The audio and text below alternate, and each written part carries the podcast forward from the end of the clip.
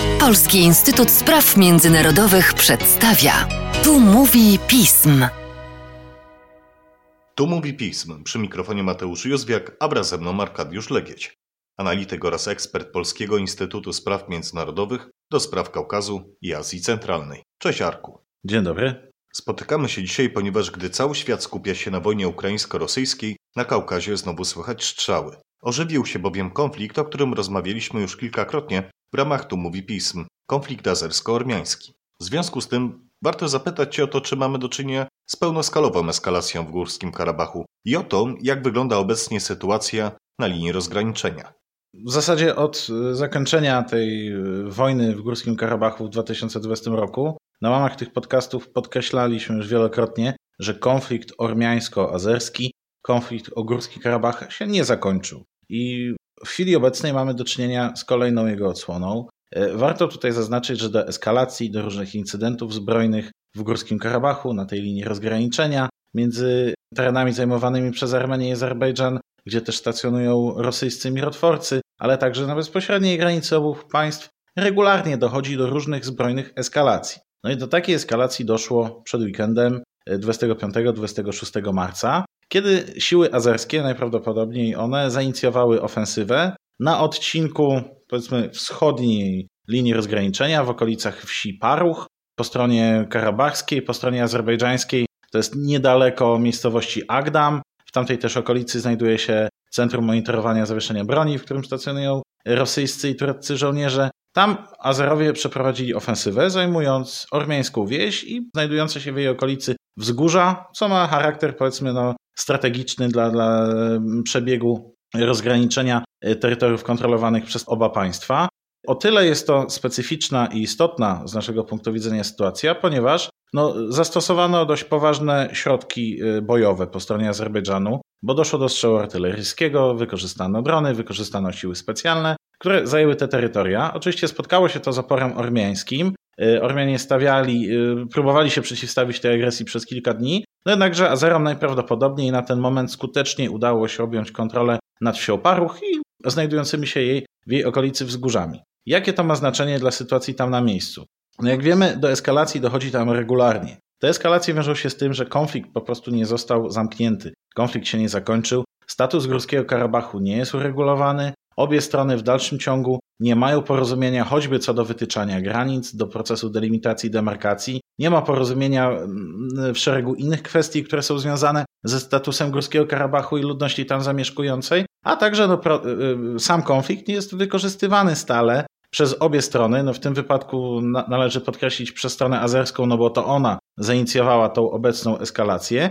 Konflikt, tak jak też wielokrotnie to opisywaliśmy, jest wykorzystywany jako pewne narzędzie mobilizacji społecznej, szczególnie w Azerbejdżanie, no, gdzie model sprawowania rządów jest modelem autorytarnym, a więc jest pozbawiony tego demokratycznego elementu legitymizacji władzy, no to antagonizacja społeczeństwa i mobilizacja go poprzez instrumentalizowanie konfliktu z Armenią no jest ważnym czynnikiem sprawowania władzy. Dlatego od czasu do czasu przeprowadzenie tego typu ofensywy o bardzo ograniczonym charakterze na terenie powiedzmy przygranicznym przez siły azerskie, no jest jednak elementem, który sprawia, że ten konflikt w dalszym ciągu się tli, w związku z czym można nim żyć i można go wykorzystywać w polityce wewnętrznej. No ale oczywiście to zajęcie konkretnie tej wsi Paruch ma też znaczenie strategiczne.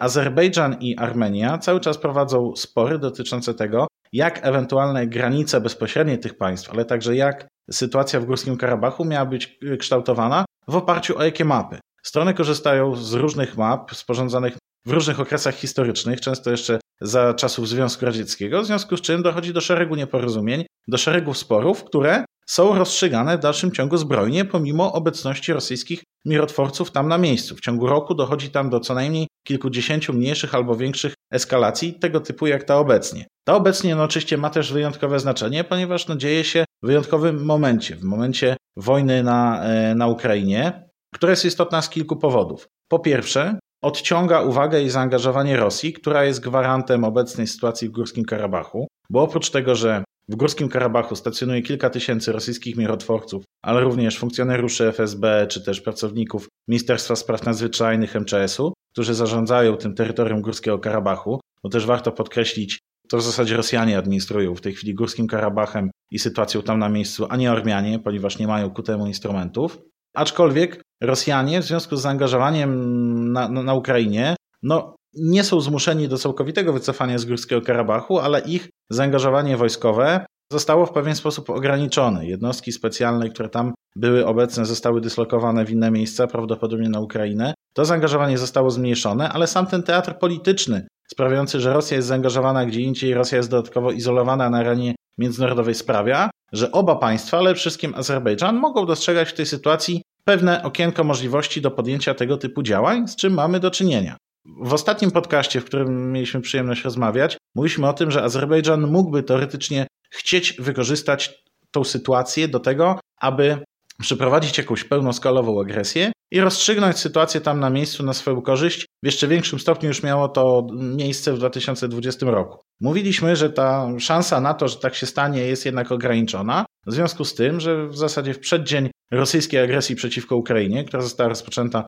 24 lutego, a więc 22 lutego, Rosja i Azerbejdżan podczas wizyty prezydenta Alijewa w Moskwie podpisały to takie porozumienie polityczno-wojskowe o koordynacji współpracy w zakresie polityki zagranicznej, polityki bezpieczeństwa, które prawdopodobnie ma być pewnym takim asumptem do tego, że doszło między tymi stronami do porozumienia, aby nawet w sytuacji zaangażowania Rosji na innych frontach Azerbejdżan nie dążył na siłę do wykorzystania tego na, na, na swoją korzyść. Ponieważ wszyscy, łącznie z Rosją, łącznie z Azerbejdżanem, na czele z Armenią, zdają sobie sprawę, że bez wsparcia Rosji, bez czynnika rosyjskiego, Ormianie nie będą w stanie odpierać azerskiej agresji. To zostało już udowodnione podczas wojny w 20 roku. Ormianie zdają sobie z tego sprawę i Azerbejdżan również zdaje sobie z tego sprawę, dlatego instrumentalizuje sytuację w tym momencie. Dlatego nawet jeżeli na poziomie politycznym Azerowie uzyskali jakieś porozumienie taktyczne z Rosjanami, na mocy którego nie będą eskalować sytuacji na pełną skalę, no to tego typu ograniczone w zakresie eskalacje przygraniczne, jak teraz we wsi Paruch, czy też choćby na południu tej linii rozgraniczenia w Górskim Karabachu, bo tam również doszło do wymiany ognia, w której, w której śmierć poniosło kilku armeńskich żołnierzy, no to to jest jednak pewien czynnik do tego, aby mobilizować społeczeństwo od wewnątrz i aby wywierać presję polityczną na Ormian. To jest również czynnik, który wpływa na szersze otoczenie międzynarodowe całej tej sytuacji w Górskim Karabachu. Po pierwsze, Ormianie e, w marcu między Armenią i Azerbejdżanem został zainicjowany powiedzmy nowy etap rozmów pokojowych. E, Azerowie złożyli pięciopunktową propozycję zawarcia układu pokojowego, na którą Ormianie odpowiedzieli stosunkowo pozytywnie, oczywiście mówiąc, że trzeba to wszystko przedyskutować i dodatkowo trzeba w to wszystko zaangażować grupę mińską OBWE. Tego typu sytuacja, jaka ma miejsce obecnie na linii rozgraniczenia, no jest oczywiście przyczynkiem do tego, że Azerowie zwiększają swoją presję militarną i polityczną na Ormian, aby w sposób bardziej bezwarunkowy zgadzali się na, na propozycje azerskie, a po drugie, aby po prostu destabilizować sytuację i w Górskim Karabachu, i w Armenii, ponieważ jest to Azerom na rękę w kontekście sytuacji politycznej w regionie. Po drugie, mamy do czynienia z już od kilku miesięcy z toczącym się procesem, próbą normalizacji relacji ormiańsko-tureckich. Ja jakiś czas temu, w ubiegłym roku, wspólnie z kolegą Karolem Wasilewskim, napisaliśmy taki biuletyn, który jest dostępny na stronie, polecamy go Państwu, w którym opisujemy, że okienko możliwości dla przeprowadzenia efektywnie normalizacji relacji armeńsko-tureckich faktycznie się pojawiło i wszyscy słusznie zwracają na to uwagę, no jednakże uwarunkowania dla tego procesu dalej są niekorzystne i my tam zwracamy uwagę, że w dalszym ciągu istnieje silna antagonizacja po obu stronach, dalej istnieją czynniki międzynarodowe, które to, ten proces mogą torpedować. No i właśnie jednym z tych czynników jest czynnik azerski. Azerbejdżan nie ma w interesie, aby Armenia normalizowała swoje relacje z Turcją, która przypomnijmy jest sojusznikiem Azerbejdżanu. W związku z czym Azerbejdżan ma szereg instrumentów do tego, aby ten proces torpedować. I naczelnym instrumentem jest właśnie doprowadzanie do eskalacji przygranicznych, takich jak ta. Bo po pierwsze, Azerowie zmuszają wówczas Turcję, choćby na poziomie ministerialnym, choćby na poziomie kontaktowym, na poziomie łączników wojskowych, do tego, aby Turcy jednak stawali w tej sytuacji po stronie Azerbejdżanu, no bo oba państwa są związane sojuszem wojskowym, traktatem Szuszy, zawartym w lipcu ubiegłego roku, no przy okazji utrudniają negocjacje prowadzone przez Ormian z Turkami, no bo w jaki sposób Ormianie mogą efektywnie zawrzeć porozumienie normalizujące relacje z Turcją, jeżeli dochodzi do ryzyka otwartej wojny z Azerbejdżanem, będącym sojusznikiem Turcji. To wszystko ma ten taki szerszy aspekt międzynarodowy, który przez Azerbejdżan jest tutaj naprawdę bardzo sprawnie wykorzystywany. I w dodatku bierze się to z pewnego zrozumienia specyfiki sytuacji międzynarodowej, w jakiej się znaleźliśmy obecnie. która wiąże się z tym, że Rosja popadła w międzynarodową izolację w związku z agresją na Ukrainie. Rosja jest obecnie izolowana na wszystkich forach i ma to bardzo duże znaczenie dla Kaukazu, ponieważ przez ostatnie dwa lata od rozstrzygnięcia wojny w Górskim Karabachu mówiliśmy o tym, my Zachód, my Polska, OBWE, ale także Francja, USA, aktorzy ważni w regionie, mówiliśmy o tym, że trzeba przywrócić mandat Grupy Mińskiej i że trzeba rozwiązywać konflikty w regionie, konflikt o Górski Karabach właśnie przy wykorzystaniu Grupy Mińskiej OBWE. No ale kto jest członkami Grupy Mińskiej? Francja, Stany Zjednoczone, no ale również Rosja. Dla Rosji byłby to przyczynek do tego, aby w jakiś sposób próbować ograniczyć swoją międzynarodową izolację, no bo nagle, gdybyśmy reaktywowali teraz efektywnie Grupę Mińską, no byłoby to być może w tej chwili pierwsze forum, na którym współpracę z Rosją moglibyśmy podjąć. Miałoby to sens w przypadku Kaukazu. Azerbejdżan zdaje sobie sprawę, że jest to jednak na tym momencie niemożliwe, że państwa zachodnie są oporne, aby z Rosją podejmować tego typu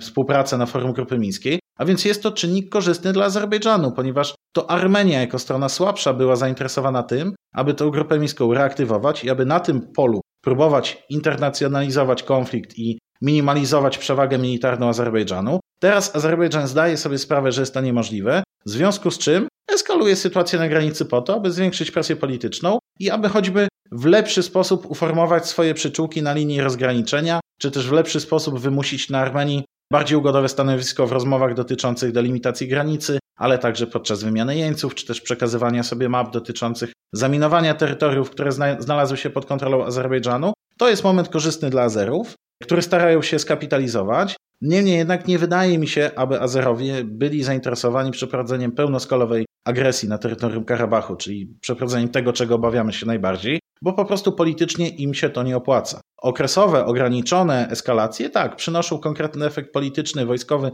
strategiczny. Pełnoskalowa interwencja nie byłaby w interesie, ponieważ ona już zmusiłaby Rosję jednak do przekierowania swoich zasobów na nowo do Górskiego Karabachu, a Rosja mimo wszystko, mimo tego zaangażowania na Ukrainie byłaby w stanie to zrobić, w związku z czym nie byłoby szansy na to, żeby Azerbejdżan, mówiąc już bardzo teoretycznie, przejął kontrolę nad całością Górskiego Karabachu, a więc zrobił to, na co się nie zdecydował w 2020 roku, zawierając y, mm, rozejm w trakcie prowadzonych działań po zajęciu mniej więcej 1 trzeciej Górskiego Karabachu, wszystkim południa włącznie z Szuszą.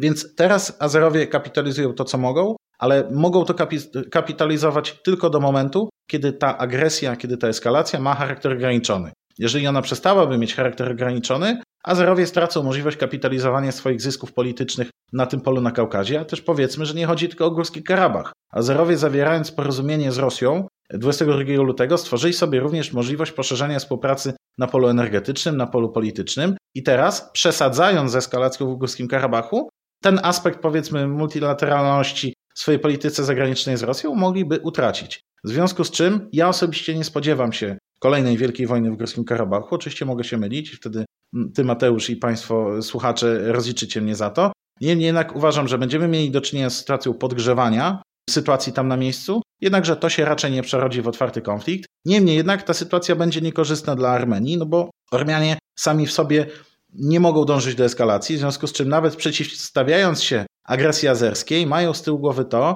że jeżeli będą się przeciwstawiać zbyt mocno, jeżeli, mówiąc bardzo kolokwialnie, jeżeli zaangażują zbyt duże środki, no może być to odebrane przez Azerbejdżan wówczas jako kolejna, kolejny stopień powiedzmy w tej drabinie eskalacji i zmuszać Azerbejdżan do zastosowania większych środków, co będzie skalowało konflikt. Ormianom niestety pozostaje strategia odwoływania się do e, zawartych porozumień pod auspicjami Rosji, proszenie Rosji o pomoc, która na tym momencie jest ograniczona, bo tak długo jak Azerbejdżan nie prowadzi pełnoskalowej interwencji, no to Rosja nie musi interweniować tam na miejscu. Wystarczy jej zachowanie tego status quo z dopuszczeniem, że okresowe eskalacje mogą się zdarzyć i z taką sytuacją mamy do czynienia e, od dwóch lat. Armenia no niestety jest zdana na okresowe ustępstwa, bo w przypadku takich eskalacji samodzielnie nie jest w stanie się im efektywnie przeciwstawiać, nie jest zainteresowana większym eskalowaniem sytuacji, w związku z czym będziemy mieli do czynienia z takimi sytuacjami jak teraz we wsi Paruch, czy jak w zeszłym roku w pobliżu jeziora Sef, gdzie akurat już nie w Górskim Karabachu, ale na bezpośredniej granicy ormiańsko-azerskiej w prowincji Siunik, Azerowie po prostu weszli i zajęli kawałek terenu przygranicznego, który był dla nich korzystny. Zajęli, bo mogli. Ale wiedzą, że jeżeli zajmą za dużo, no to wtedy spotka się to z reakcją Rosji, która może być już dla nich niekorzystna. Więc dopóki ten charakter eskalacji będą trzymali na poziomie kontrolowanym, będzie to dla nich opłacalne politycznie i powiedzmy strategicznie. Szanowni Państwo, o tym jak będzie rozwijała się sytuacja na Górskim Karabachu z pewnością będziemy jeszcze z Arkiem rozmawiać. A tymczasem dziękuję Ci za dzisiejszy podcast. Dziękuję również. Państwa zaś zachęcam do śledzenia naszej strony internetowej, czytania najnowszych biuletynów i komentarzy, śledzenia mediów społecznościowych i cóż, z mojej strony to wszystko. Dziękuję Państwu za uwagę w ten poniedziałkowy wieczór. Do usłyszenia.